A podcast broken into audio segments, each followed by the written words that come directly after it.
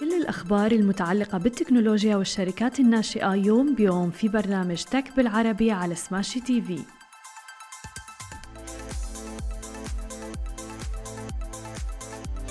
صباح الخير وأهلا وسهلا فيكم ببرنامجكم تك بالعربي. معكم أنا هالة بسام ومعنا بخلف الكواليس علي. خلونا نبدأ أخبارنا لليوم ونحكي عن أهم العناوين اللي رح نحكي فيها لليوم. ديزني تمنع المحتوى المثلي في الشرق الأوسط ونون تستحوذ على نمشي والكشف أيضا عن موعد دمج إيثيريوم. في العديد من الأخبار المتنوعة وتحديدا اللي ضجت فيها مواقع التواصل الاجتماعي باليومين الماضيين. خلونا نبدأ بأول خبر معنا لليوم تحديدا ونحكي عن شركة ديزني. أعلنت الآن منصة ديزني بلس عدم عرض أي محتوى يتضمن مشاهد مثلية وأي مضمون لا يتناسب مع الإرشادات الخاصة بالمحتوى المحلي في منطقة الشرق الأوسط عبر منصتها. وبتتضمن بيان منصة ديزني بلس قرار عدم عرض فيلم ال animation Lightyear و Baymax بعد المطالبات بمنع عرضه في الشرق الأوسط لتجنب الحساسية في إقليم الشرق الأوسط. وأشار البيان أيضا إلى أن هناك خاصية خاصية تصفية الأعمال للأطفال تحديدا في المنصة للحد من المحتوى اللي بيركز على استهداف البالغين وبيعرض على منصة ديزني. كما أن المحتوى اللي عم بيستهدف الأطفال لا يتطلب استخدام مثل تلك الخاصية حيث تمت تصفيته ليلائم الأطفال already كما أكدت ديزني أيضا أن المحتوى المحلي بيختلف من دولة إلى أخرى عبر المنصة بناء على عدة عوامل وأيضا عدة متطلبات تنظيمية محلية.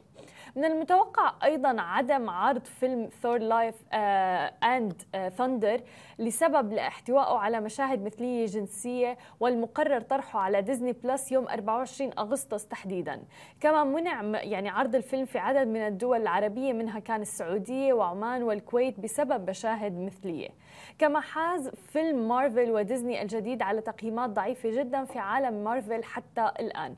وشاهدنا فعلا بالفترة الأخيرة على مواقع التواصل الاجتماعي العديد من الأشخاص كانوا عم ينتقدوا ديزني بسبب المشاهد المثلية اللي موجودة وأيضا المشاهد التي تعتبر إباحية وجنسية على يعني أفلام تعتبر يعني المفروض أنها تلائم فئة الأطفال. لذلك قامت ديزني بالامتثال لهذه الآراء للأشخاص وتحديدا في منطقة الشرق الأوسط آه، بأنه تمنع أي فيلم فيه مشاهد مثلية على آه، المنصة تبعها في منطقة الشرق الأوسط تحديدا. Guys, we love smashy business news, but Augustus Media is much more than that. That's right, we are a content house, and along with Smashy, Augustus Media creates heaps of content, like the Love in Dubai show. I'm Casey, that's Simran. We're your hosts of the Love in Dubai show. أما إذا بدنا ننتقل إلى عالم الشركات الناشئة في منطقتنا العربية ونحكي تحديدا عن شركة نون ونمشي الآن وافق مجلس إدارة شركة أعمار العقارية الإماراتية بشكل مبدئي على بيع شركة نمشي إلى شركة نون في حال موافقة مجلس إدارة نون على الصفقة. وفي بيان أصدرته أعمار من خلال نظام الإفصاح الإلكتروني في سوق دبي المالي قالت الشركة أنه صفقة البيع المقرر إنجازها تتم لمصلحة طرف ذي علاقة بالشركة. مع الإشارة إلى أن عضو مجلس الإدارة المعني لم يشارك أو يصوت في الاجتماع كما جاء في البيان. تبلغ قيمة الصفقة 335.2 مليون دولار وهي ضمن النطاق اللي حدده مقيم مستقل معتمد من قبل هيئة الأوراق المالية والسلع في دولة الإمارات. وبيمثل هذا المقابل النقدي قيمة حصص نمشي بعد حسم ديونها ورأس المال التشغيلي الاعتيادي المطلوب من قيمة المنشأة اللي بتبلغ 350 مليون دولار. وبحسب بيان إعمار فإنها ستحصل على إجمالي قيمة سعر البيع كمقابل نقدي أيضاً.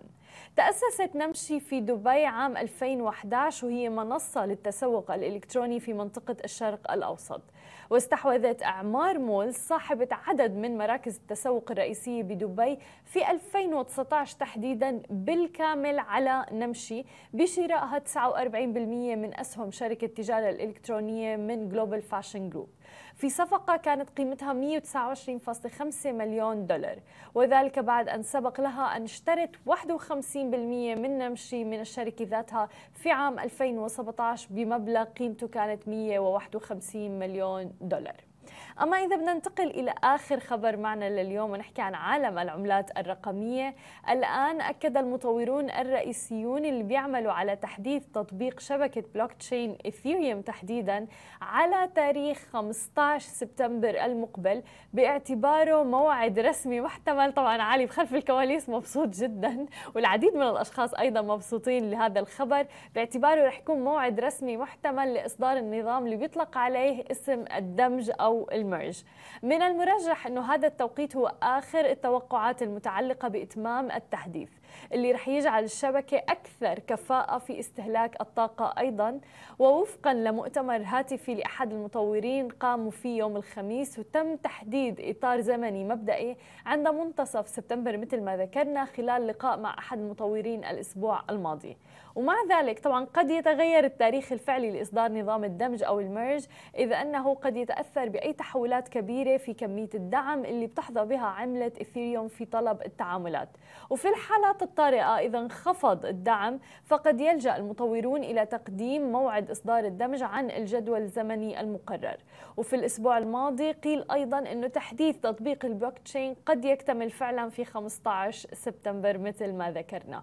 بالفترة الأخيرة ارتفعت بنسبة كبيرة عملة الإثيريوم ولكن يعني بعد هذا الخبر ما شهدنا هذاك الارتفاع الكبير ولكن من المتوقع أنه فعلا ترتفع بشكل كبير لما بيحدث الاندماج وال merge.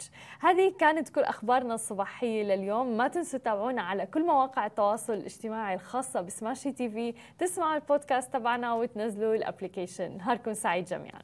bye bye. مثل ما وعدناكم أخبار جديدة ومقابلات مع رواد أعمال يوميا في برنامج tech بالعربي على سماشي TV. حملوا التطبيق الآن.